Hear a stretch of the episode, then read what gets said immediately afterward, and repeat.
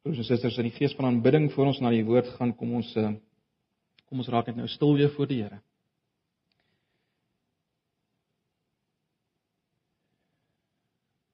Ja Here, ons wil werklik saam met hierdie lied sê waarlik die Here is God. Wie anders as hy is 'n rots vir ons in 'n tyd waarna soveel storms rondom ons is. Op alle gebiede en veral morele gebied, geestelike gebied. Dankie dat U ons rots is. Dankie dat ons met vertroue na U kan kom nou weer en vra dat U met ons sal praat deur U woord juis sodat ons kan staande bly in U en deur U die rots. Verwagting is van U dat U in hierdie oggend met ons sal praat. Here ons wil spesifiek ook in hierdie oggend maar net bid vir hulle in ons gemeente wat baie siek is vir die oomblik. Dink aan tannie Minnie wat Erma wat terminaal is. Ag Here, ons wil waarlik net vra dat U haar elke dag sal deerdra. Haar sal ook sal bewaar van die aanslag van die bose die volle vastigheid vir haar sal gee in U en vertroosting in U. En ons dink aan tannie Martie Strauss wat nog steeds in die hospitaal is met wie dit op die oomblik nie goed gaan nie. Ag Here, ons wil waarlik ook maar net haar aan U opdra. Ons dankie vir haar geloof en vir wat ons van U sien ook in haar. Ons vra dat U vir haar sal deurdra in hierdie tyd. Ons wil bid vir die Strauss gesin, Here, en al die beproewinge wat hulle op die oomblik gaan.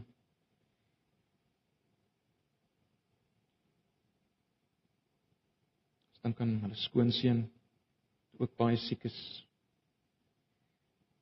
Ons wil bid dat U in sy hart sal werk en hom na U toe sal trek waar hy op hierdie stadium nog nie werklik by U is nie. Ag Here, asseblief. Ons bid hierdie dinge in U naam, Here Jesus. Ons bid vir elkeen in ons gemeente wat worstel wat in 'n stryd is om die geloof te behou. Bid vir elkeen. Elkeen wat in hierdie oomblik worstel met dinge waarvan ons nie eens bewus is nie, Here, net U is bewus daarvan. Ons wil hulle aan U opdra, elke een. En nou wil ons vra, Here, dat U ons ook sal versterk deur U woord en sal bemoedig, ook sal vermaan en sal aanspreek waar nodig. Asseblief, ons vra dit in Jesus se naam. Amen. Efesiërs 6, kom ons lees saam vanaf vers 10 tot 20 alhoewel ons uh, vanoggend uh, eintlik net gaan fokus op 10 en 11, maar kom ons lees saam vanaf vers 10 tot 20. Verder nog dit, ek lees maar die 83 vertaling, sal wel wys na verskille in vertaling hier en daar.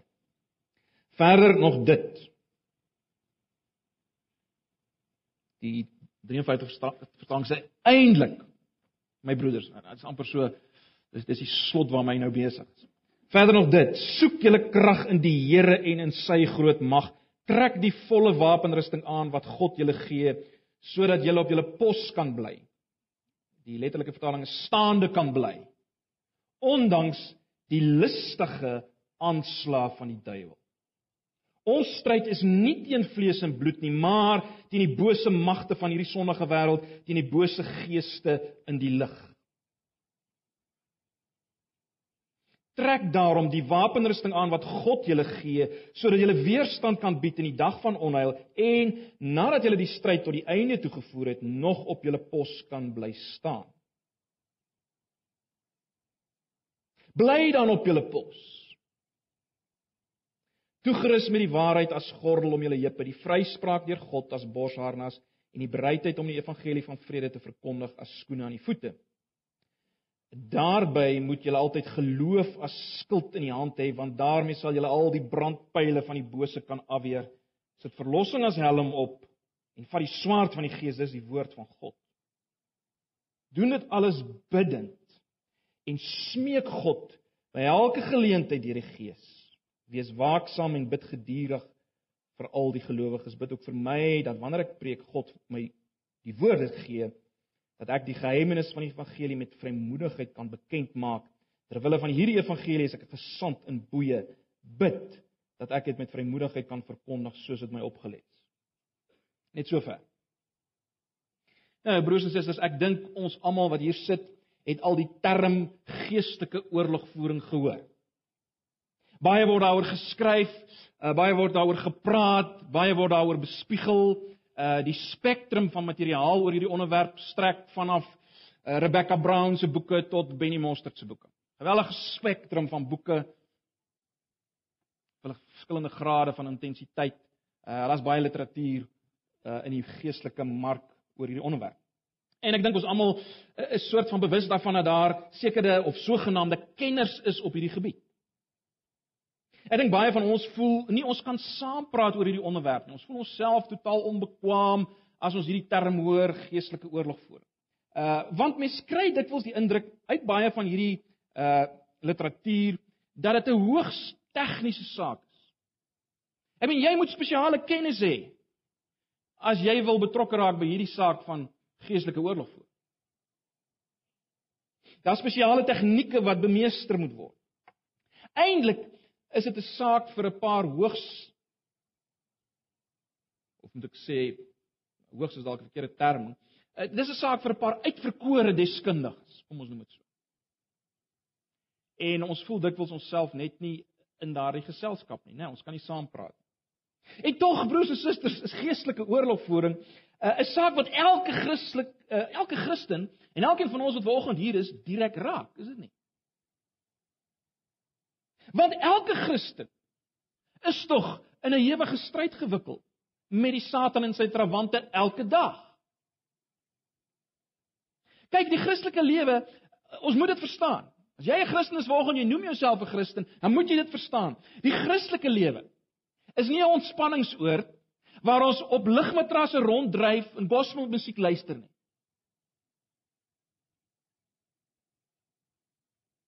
As as jy die gedagte het oor Christendom wel oor die Christelike lewe, maak jy 'n reuse fout. Die Christelike lewe is 'n slagveld, 'n bloedige slagveld en is besaai met gewondes. En as dalk van die gewondes vanoggend tussen ons.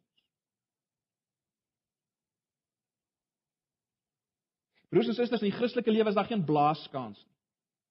Daar's nie 'n wapenstilstand nie. Daar's nie 'n wit vlag nie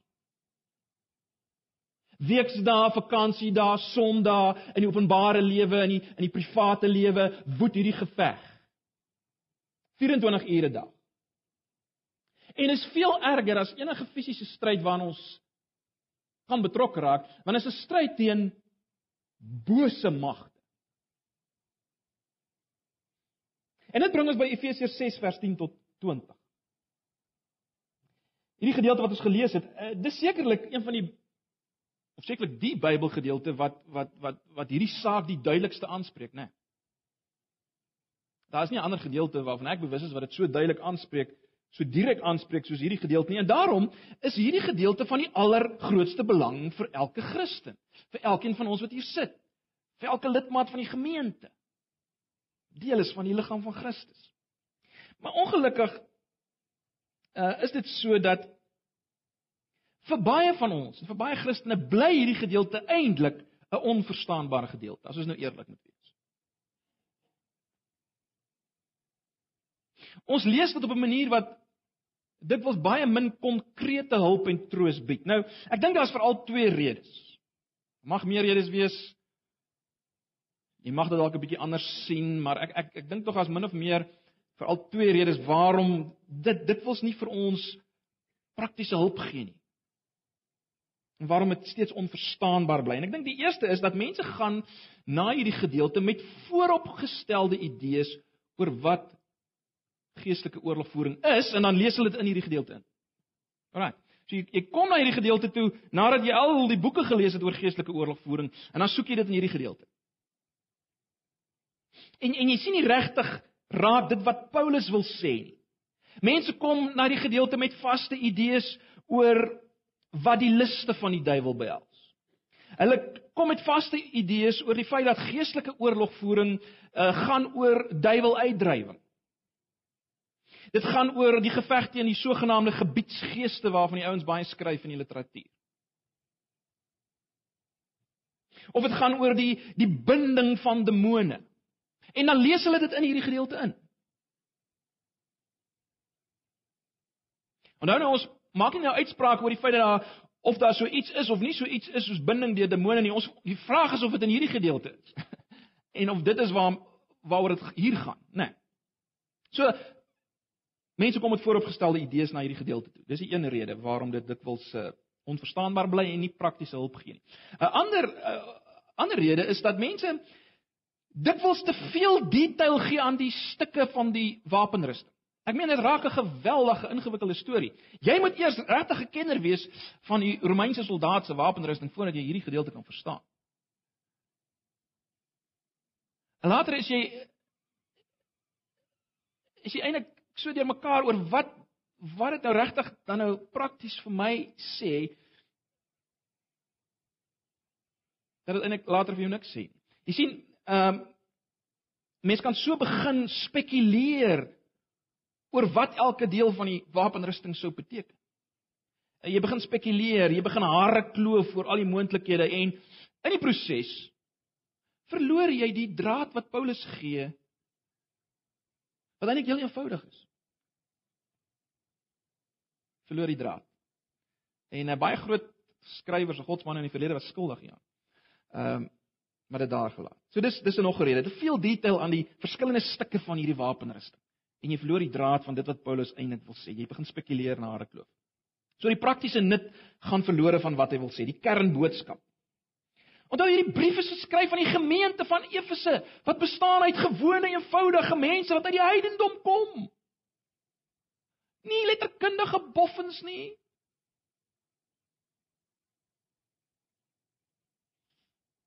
So ons moenie te veel uitpluis en verborgde betekenisse soek nie en ek heel eenvoudig op die oppervlak. Maar goed, die vraag is natuurlik dan wat jy sal vra is, maar goed Jakobus, maar hoe verseker 'n mens dat jy die gedeelte reg verstaan? Hoe maak jy seker dat jy dit reg verstaan? Wel, ek weer eens wil ek net twee belangrike vertrekpunte hier uitlig. In die eerste plek, uit die aard van die saak, moet ons hierdie wapenrusting lees in die lig van die res van die brief. Paulus is heel eweslik besig met iets totaal nuut nie. Wat niks verband hou met die res van die brief nie. Nee. Dit vloei baie logies uit die res van die brief. Ons hoop ons sal vanoggend iets daarvan sien. Uh, ek gaan veral vanoggend iets daarvan uitlig. 'n Tweede ding wat ons moet verstaan en dit is dit gaan miskien veral volgende Sondag dalk uh, meer duidelik word is dat Paulus werk ook met 'n Ou Testamentiese agtergrond. Uh, Paulus het die Ou Testament geken, hy was 'n Jood. En dit speel 'n rol in in die, die wapenrusting en wat hy sê oor die stukke van die wapenrusting ensovoorts. Uh volgende Sondag sal sal ons sien hoe toepaslik dit is. Maar goed, kom ons kom ons staan nou nader aan hierdie gedeelte en veral vers 10 en 11. Kyk weer na vers 10 en 11. Verder nog dit, soek julle krag in die Here en sy groot mag.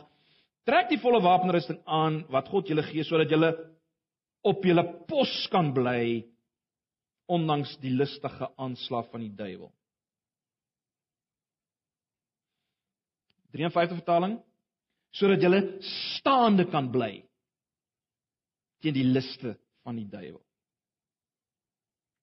As jy nou verder lees, sien, sien julle uh heeltyd is die is die opdrag bly op julle pos, bly staande. En broers en susters, dit sê al klaar vir ons, uh, dit gaan nie hier oor avontuurlustige aanval ekspedisies teen die Satan nie. Hier word nêrens gesê gaan val die Satan aan nie. Dit gaan net oor bly staande, bly op julle pos, bly waar jy is, né? Nee. So dit moet ons raak sien. Dis die groot imperatief amper hier. Bly staande, bly op julle pos. Dit gaan nie hier oor avontuurlustige ekspedisies aanval ekspedisies teenoor die teen die Satan en sy bose magte. Baie belangrik, die vraag is teen wie presies is hierdie stryd? En hier is dit belangrik dat ons die hele brief in gedagte, né? Nee. Wel ons weet nou dis die Satan en sy trawante. Hier word hulle genoem en is miskien is die die 53 vertaling meer presies lig dit meer presies en letterlik uit. Hulle word genoem magte, wêreldheersers, bose geeste. Maar dit is baie belangrik broers en susters, dis nie nou iets anders as die magte waarvan reeds in Efesiërs gepraat is nie. Ons moet nie nou ewe skielik Frank Peretti se beelde van hierdie goed vat en hier probeer inlees nie. Fiksie skrywers nie, né? Nee. Dit dit dit sal dwaas wees om te begin spekuleer oor wat ons nou dink hierdie magte en goed is. Nee, uh, hulle is al betrokke van die begin van die boek Efesiërs af word daar geskryf hieroor. Ons sal dit nou nou weer sien. Baie belangrik verder meer is om dit te onthou dat hierdie magte waarvan hier gepraat word, is dieselfde waarvan gepraat word in hoofstuk 1 vers 21. Ek bly net gou terug na hoofstuk 1, ons moet dit raak sien. Hoofstuk 1 Nou hier is 'n lang sin want dit word word alles gesê van wat Christus wie Christus is. Uh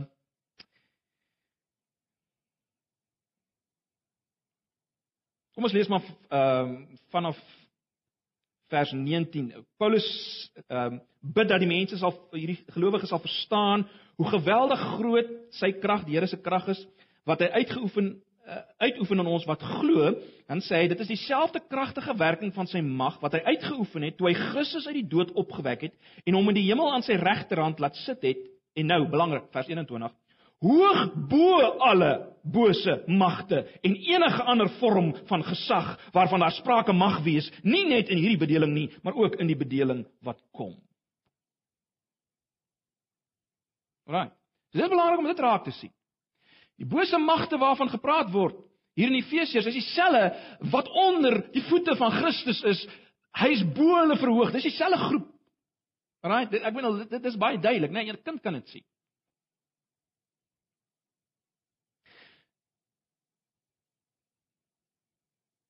Maar waar dit sê, dis dieselfde groep waarvan, miskien kan jy vinnig so in die blaai Kolossense 2 vers 15 praat as hy dit so stel.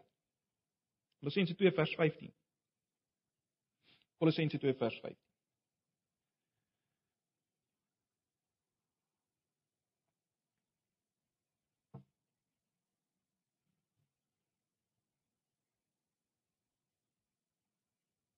Daai wonderlike gedeelte in Kolossense wat sê wat aan die kruis gebeur het en dan vers 15 onder andere dit gebeur aan die kruis.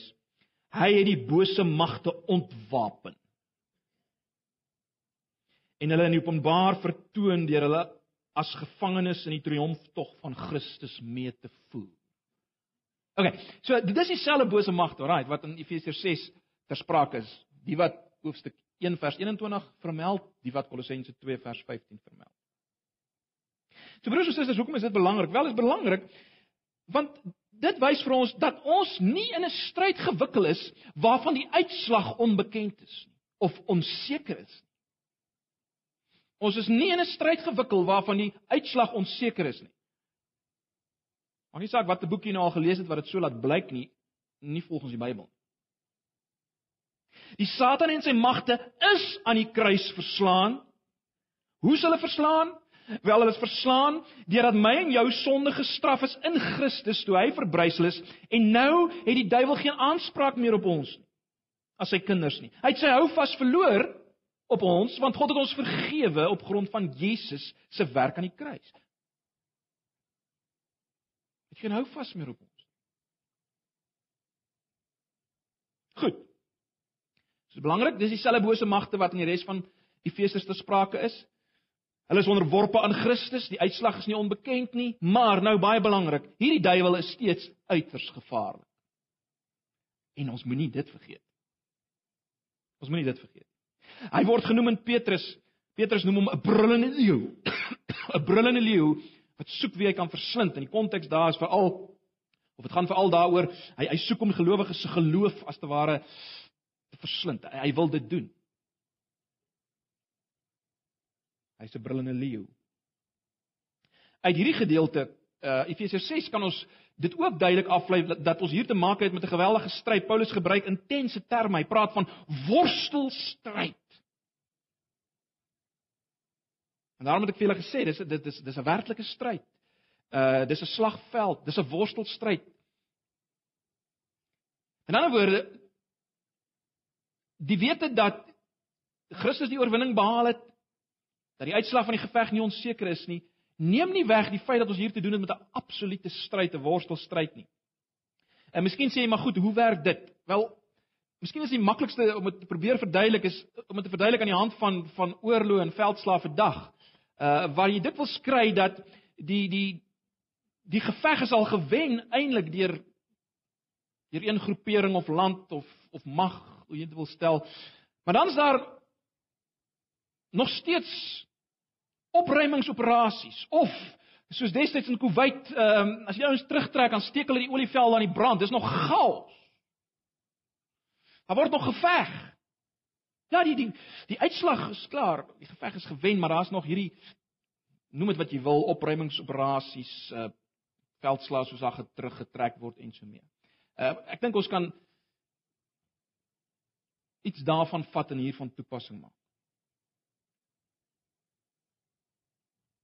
Die punt is, daar's 'n stryd. Daar's 'n worstelstryd en ons word hier opgeroep om vas te staan in hierdie stryd. Maar nou is dit baie belangrik om 'n volgende vraag te vra. Ons moet vra, maar wat is die aard van hierdie stryd? Wat is die aard van hierdie stryd? Waaroor gaan hierdie stryd? Hoe veg die duiwel teen ons? Want dit is belangrik.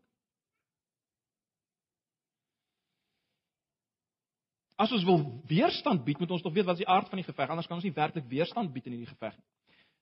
Nou, baie belangrik, broers en susters, hier moet ons weer kyk na die brief van Efesiërs as geheel. En ek dink as ons net kyk na hoofstuk 2, miskien kan jy net vinnig terugblaai na hoofstuk 2 vers 1 tot 3.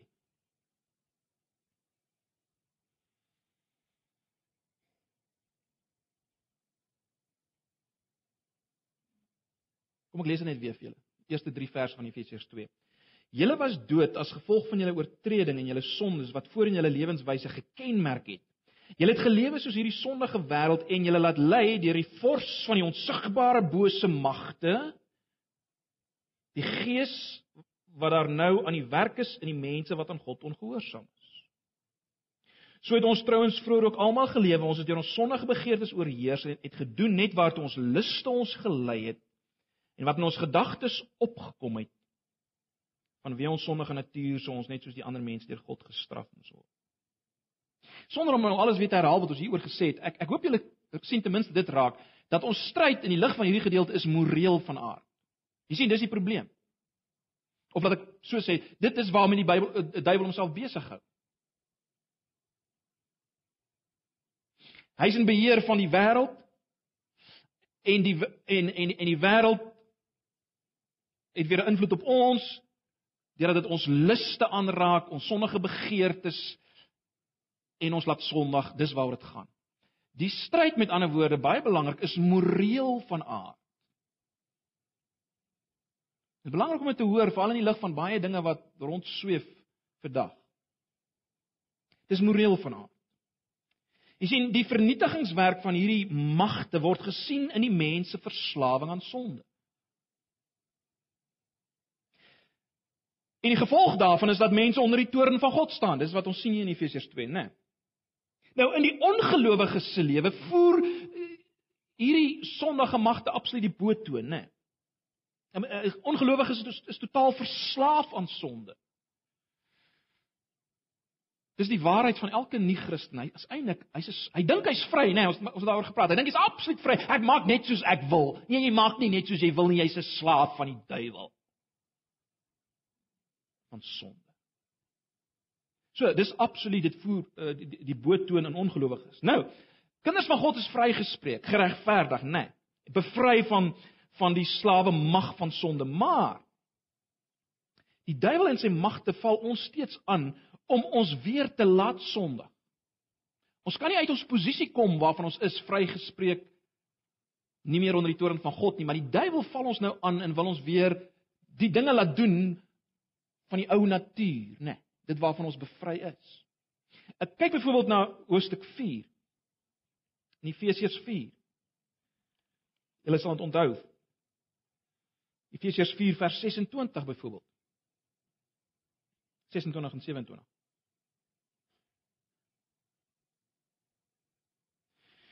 As jy kwaad word, moenie sondig nie, moenie 'n dag kwaad afsluit nie, moenie die duiwel vat kans gee nie. Right, dis dieselfde duiwel. So die ongelowiges is absoluut onder sy mag en sy beheer, slawe. Hy val die gelowiges aan om om weer Hy wil hê hy moet weer sondig. Dis waaroor dit gaan. So, die punt is sy oogmerk met ons is moreel van aard. Sy werkswyse is is is is dit. Hy wil ons mislei met sy leuns en dis natuurlik nie snaaks nie broers en susters want hy word genoem die vader van die leuen ook in Johannes Evangelie. Hy mislei ons met leuns. Dis die wapen wat hy gebruik. Allerhande listige planne, allerhande slim schemes. Hy wil ons weglok, nê, nee, van Christus. Hy wil ons weglok van Christus met allerlei triks, as jy wil. Nou, daar's iets baie interessant wat ons moet verstaan. Kyk nou hoofstuk 4 vers 14. Hoofstuk 4 vers 14.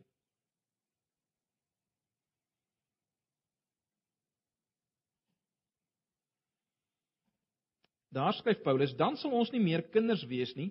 Ons sal nie meer soos golwe op en af heen en weer geslinger word deur elke wind van dwaalleer as vals leraars ons met hulle slinksheid en listigheid op dwaalweë wil wegvoer nie." Ou vertaling praat ook van sluiheid om listiglik tot dwaaling te bring. Nou, baie interessant. Het julle gesien in vers sê Paulus strek van hoofstuk 6 vers 11 van hoofstuk 6 kyk net nou weer na hoofstuk 6 vers 11 Paulus sê trek die volle wapenrusting aan wat God julle gee sodat julle op julle pos kan bly ondanks die listige aanslag van die duiwel. Nou as mens nou met die met die, met die Griekse taal werk en sien dis dieselfde woord wat Paulus gebruik. So dis interessant is dit nie? Want wat Paulus eintlik wil sê is dit kyk Daar's hierdie dwaalinge wat rondgaan, listige dwaalinge. Maar weet julle wat, Efesiërs? Agter dit sit die duiwel. Dis die hele punt. Dis die hele punt. Moenie vaskyk teen die bedrog en die geslepenheid van mense nie. Nee, dis die Satan self wat agter hierdie misleiding sit. Jy sien, dis veel erger as wat jy gedink het, Efesiërs. Dis veel dieper as wat julle gedink het. Julle dink ag, maar net mense se teorieë en goeters. Nee, nee, nee, nee. Onthou, wie sit agter dit? Die stryd is eintlik teen hom. Dis sy listigheid waarmee jy te doen het.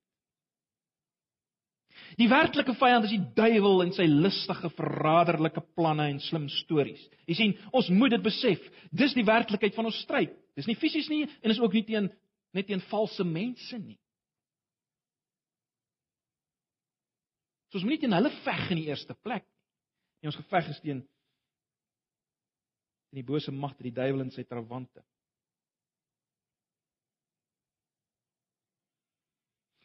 En broers en susters, natuurlik die manier waardeur die duiwel veg, hierdie hierdie sluheid, hierdie leuns, hierdie uh, waartoe hy ons wil bring tot ongehoorsaamheid aan Christus deur sy leuns. Uh, dit behoort ons nie te verras nie want dis tog waarmee hy besig was alreeds by by Adam en Eva. Reeds in die tuin van Eden. Was dit sy manier van werk? So dit is sy manier van werk. Leuns om ons weg te trek van God en Christus. En te laat twyfel aan God en Christus. Dis sy groot manier van veg. Moet dit nie vergeet nie.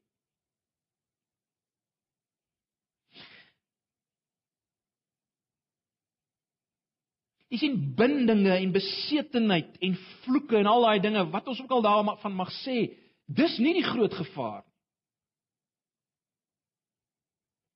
Hier is hierdie morele konflik en ons kwesbaarheid om deur die duiwel mislei te word. Dis die groot gevaar. Ek het vir julle gesê ons moet die moet die eenheid van die boek onthou. Uh Ek wil net vir 'n oomblik weer daarby stil staan. Efesiërs vorm 'n eenheid en ek wil hê julle moet net sien hoe dit 'n eenheid vorm en uiteindelik uitloop op op 6 vers vers 10 en 11. Hoe dit logies uitloop op vers 10 en 11 van hoofstuk 6.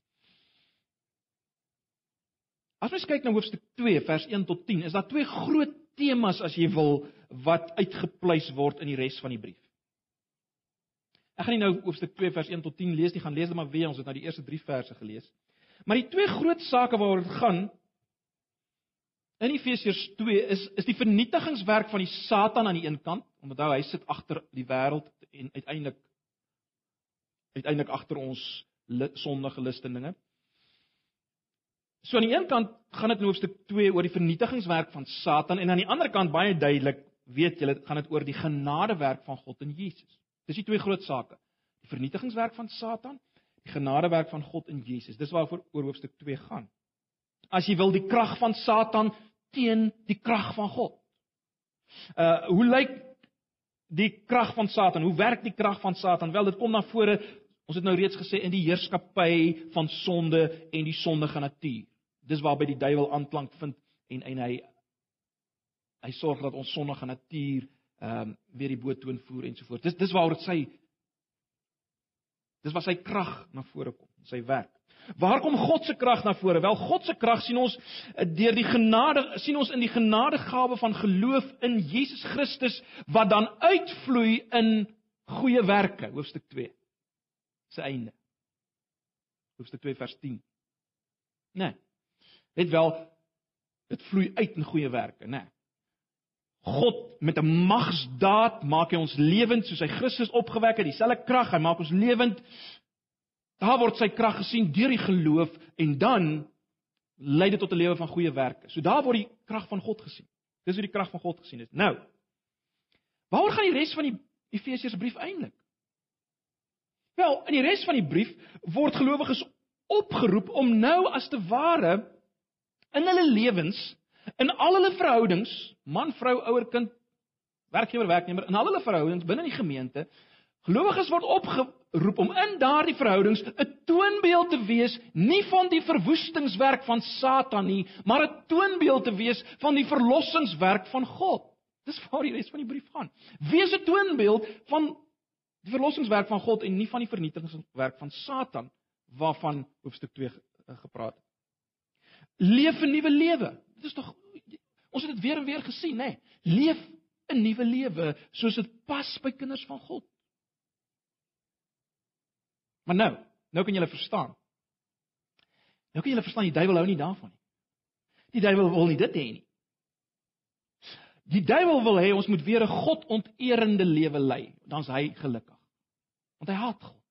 So hy wil hê ons moet 'n God-onterende lewe lei in al ons verhoudings. Man, vrou, ouer, kind, kind, ouer in die werksplek oral, binne die gemeente. Want jy sien as dit gebeur, dan dan word daar 'n streep getrek deur die wonderlike voorprent wat die kerk moet wees van wanneer toe God op pad is. Onthou julle Efesiërs 1 vers 9 en 10, uiteindelik gaan alles in 'n een eenheid onder Christus se regering staan. Dis wanneer toe God op pad is en nou in die kerk, die kerk met al sy verhoudings word iets hiervan sigbaar. Nou, die duiwel wil dit nie hê nie. Hy wil dit vernietig. Hy wil nie hê daar moet hierdie afbeelding wees, hierdie toonbeeld van God se werk in ons nie. Jy sien, en dis waar sy aanslag inkom. En nou, dis waar Efesiërs 6 vers 10 en 11 inkom. Paulus sê: "In die lig van hierdie bedreiging, broers, soek julle krag in die Here, staan vas, bly op julle pos." sien julle? So dis hoe dit inpas in die hele brief. Die lig van hierdie bedreiging staan vas. Bly op julle pos. En nou sal ons volgende week sien hoe moet ons dit doen? Wat is die wapens? Net belangrik dat ons vanoggend die die geheel prentjie sal sien. So kom ek maak net 'n paar laaste samevattende opmerkings. Broers en susters, ek en jy moet weet die duiwel se krag en sy verwoestingswerk in mense se lewens word sigbaar deur sonde. God se krag en genade word sigbaar deur geloof en goeie werke. So waar jy sonde sien, dis wat die Satan is. Moenie soek na donker hole en ouens met swart klere en kersse brand en katte slag nie. Waar sonde is, daar's die Satan op sy gelukkigste en hy's daar. Alraai? Dis wat die duiwel is. Waar is God?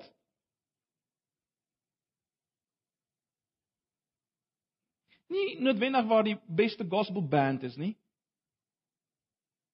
Ek sê nie noodwendig nie. God is daar waar waar geloof en goeie werke is.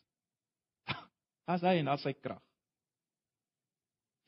Nou, as verloste kinders van God, broers en susters, staan ons onder die verpligting om die nuwe lewe van geloof en goeie werke te leef. Dis wat eer aan God bring. Dis wat God van ons verwag. Dit eer hom. Kom ek stel dit anders. As jy bevry is, as jy sê ek is bevry van die duiwel, hoe sal dit lyk? Nie dat jy beter slaap in die nag nie. Ek is nou bevry van hierdie binding van slapeloosheid en slaap. Nee. Dit sal wys deur 'n lewe van geloof in Jesus en goeie werke wat daaruit voortvloei. Dis hoe dit sal wys. Dis die uiteindelike lakmoestoets of jy bevry is van die duiwel of nie. Hoor jy wat ek sê? Broers en susters, ons moet anders begin dink oor die duiwel en ensovoorts. Jy weet, ek dink die duiwel geniet dit vreeslik. As ons hom net as te ware in verband bring met die donker hole en die satanis, sogenaamde satanisme en so mee. Dan is hy baie gelukkig. Want dan mis ons wat sy eintlike werk is.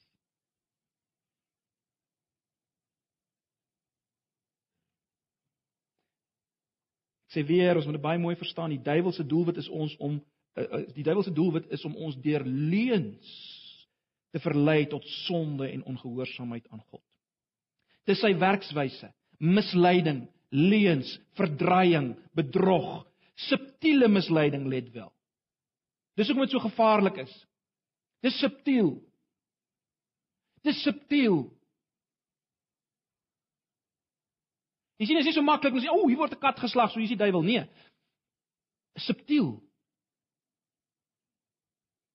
Ekskuus ek ek maak dalk nou 'n karikatuur. Maar maar maar dis vir my geweldig belangrik broers en susters. Ons moet sien dis dis subtiel. Met ander woorde, kom ek gee 'n paar voorbeelde. Die duiwel sal nie sommer vir jou sê, "Uh, dink jy dis 'n goeie idee om oorspel te pleeg nie?" Nee, hy sê vir jou sê, "Luister man, weet jy daai daai mooi vrou in julle gemeente, sy het berading nodig. Dink jy nie jy is die ou wat haar moet gaan beraad nie?" Dis hoe hy werk. Dis hoe hy werk. Hy sal nie vir jou sê, "Man, Dink jy nie is 'n goeie idee om God te haat nie? Haat God. Nee, nee, nee, nee, nee. Hy sal sê, "Jong, die Here behandel jou daarom die laaste tyd nie baie goed nie. Kyk net wat het met alles met jou gebeur." Jy sien, hy laat val jou in onvergenoegdheid, in selfbejammering. Hy wil hê jy moet God se goedheid betwyfel. Hy wil hê jy moet twyfel aan God se beloftes. Dis hoe hy werk, broers en susters. Jongens, hierdie hierdie al hierdie goeters, is dit nie maar net stories nie. Dis dis hoe in die begin met met Adam gewerk het. Hy werk nou nog so. So dis subtiel. Broers en susters, dis subtiel. Dis hoe hy skade berokken. Jy sien, al sy leuns vind natuurlik ook aansluiting uh by ons die oorblyfsels as ek dit sou kan noem van ons sondige natuur. Dis hoekom dit so gevaarlik is, né? Nee. Ons uh die oorblyfsels van ons sondige natuur is amper so skole wat nog nie heeltemal uitgebrand is nie en en en en en en, en hy vind aansluiting daarbey. Hy hy wil dit weer aan die aan die gang kry en is natuurlik hy gebruik natuurlik dinge soos soos die televisie en die media en met al die die dinge wat ons daar sien, gebruik hy om dit al die leuns let wel wat ons daar sien, gebruik hy om hierdie vuur aan die brand te kry. Dis hoe hy werk, broers. So. Geestelike oorlogvoering gaan dus in 'n groot mate daaroor dat ons moet kan staande bly teen die duiwelse leuns en sy planne. Right. Dis waar dit eintlik gaan. Vir ons as gelowiges. As ons as gemeente. En dis waaroor Paulus in Efesiërs 6 skryf. Jy sien dit gaan nie hier in die eerste plek. Net wel ek sê in die eerste plek. Gaan dit nie oor allerlei geheimsinnige magte wat hou vaste en vloeke op jou kan kry nie gaan oor hierdie morele stryd teen die duiwel waarin ons staande moet kan bly. Uh om dit anders te stel, waarvoor ek en jy moet bang wees as ons bang wil wees vir iets, is dit sonde en valsheid. Dis waarvoor ons moet bang wees. Dis die stryd. Ag. Broers en susters, dis waarvoor ons God se wapenrusting nodig het. En dis wat hy voorsien. Dis wat hy voorsien het in die boek Efesiërs. En al wat hy nou gaan doen is om dit net as te ware vir ons saam te trek in beelde. Mag die Here ons ons help om om vas te staan op ons pos te bly in die stryd teen die bose magte, owerhede en magte rondom ons. Amen. Kom ons bid saam.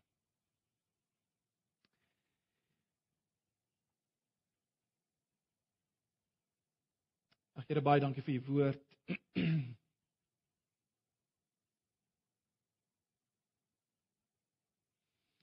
baie dankie dat u ons vanoggend maar net weer bewus maak van die realiteit van ons stryd. Die aard van ons stryd.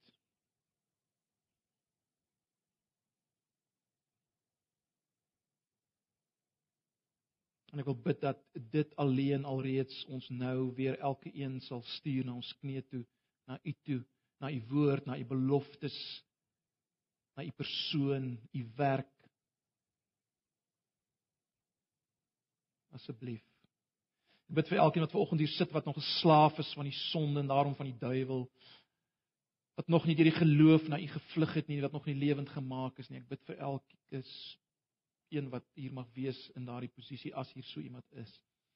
Ag Here dat U hulle nie sal los nie. Hulle sal aanraak deur die woord en die werking van die Gees asseblief. Bid vir ons gemeente, ek bid vir elke verhouding dat U ons sal bewaar van die aanslae van die bose en sy listigheid en sy leuns asseblief. Ons vra dit in Jesus se naam. Amen. Kom ons sluit af met 'n laaste lied.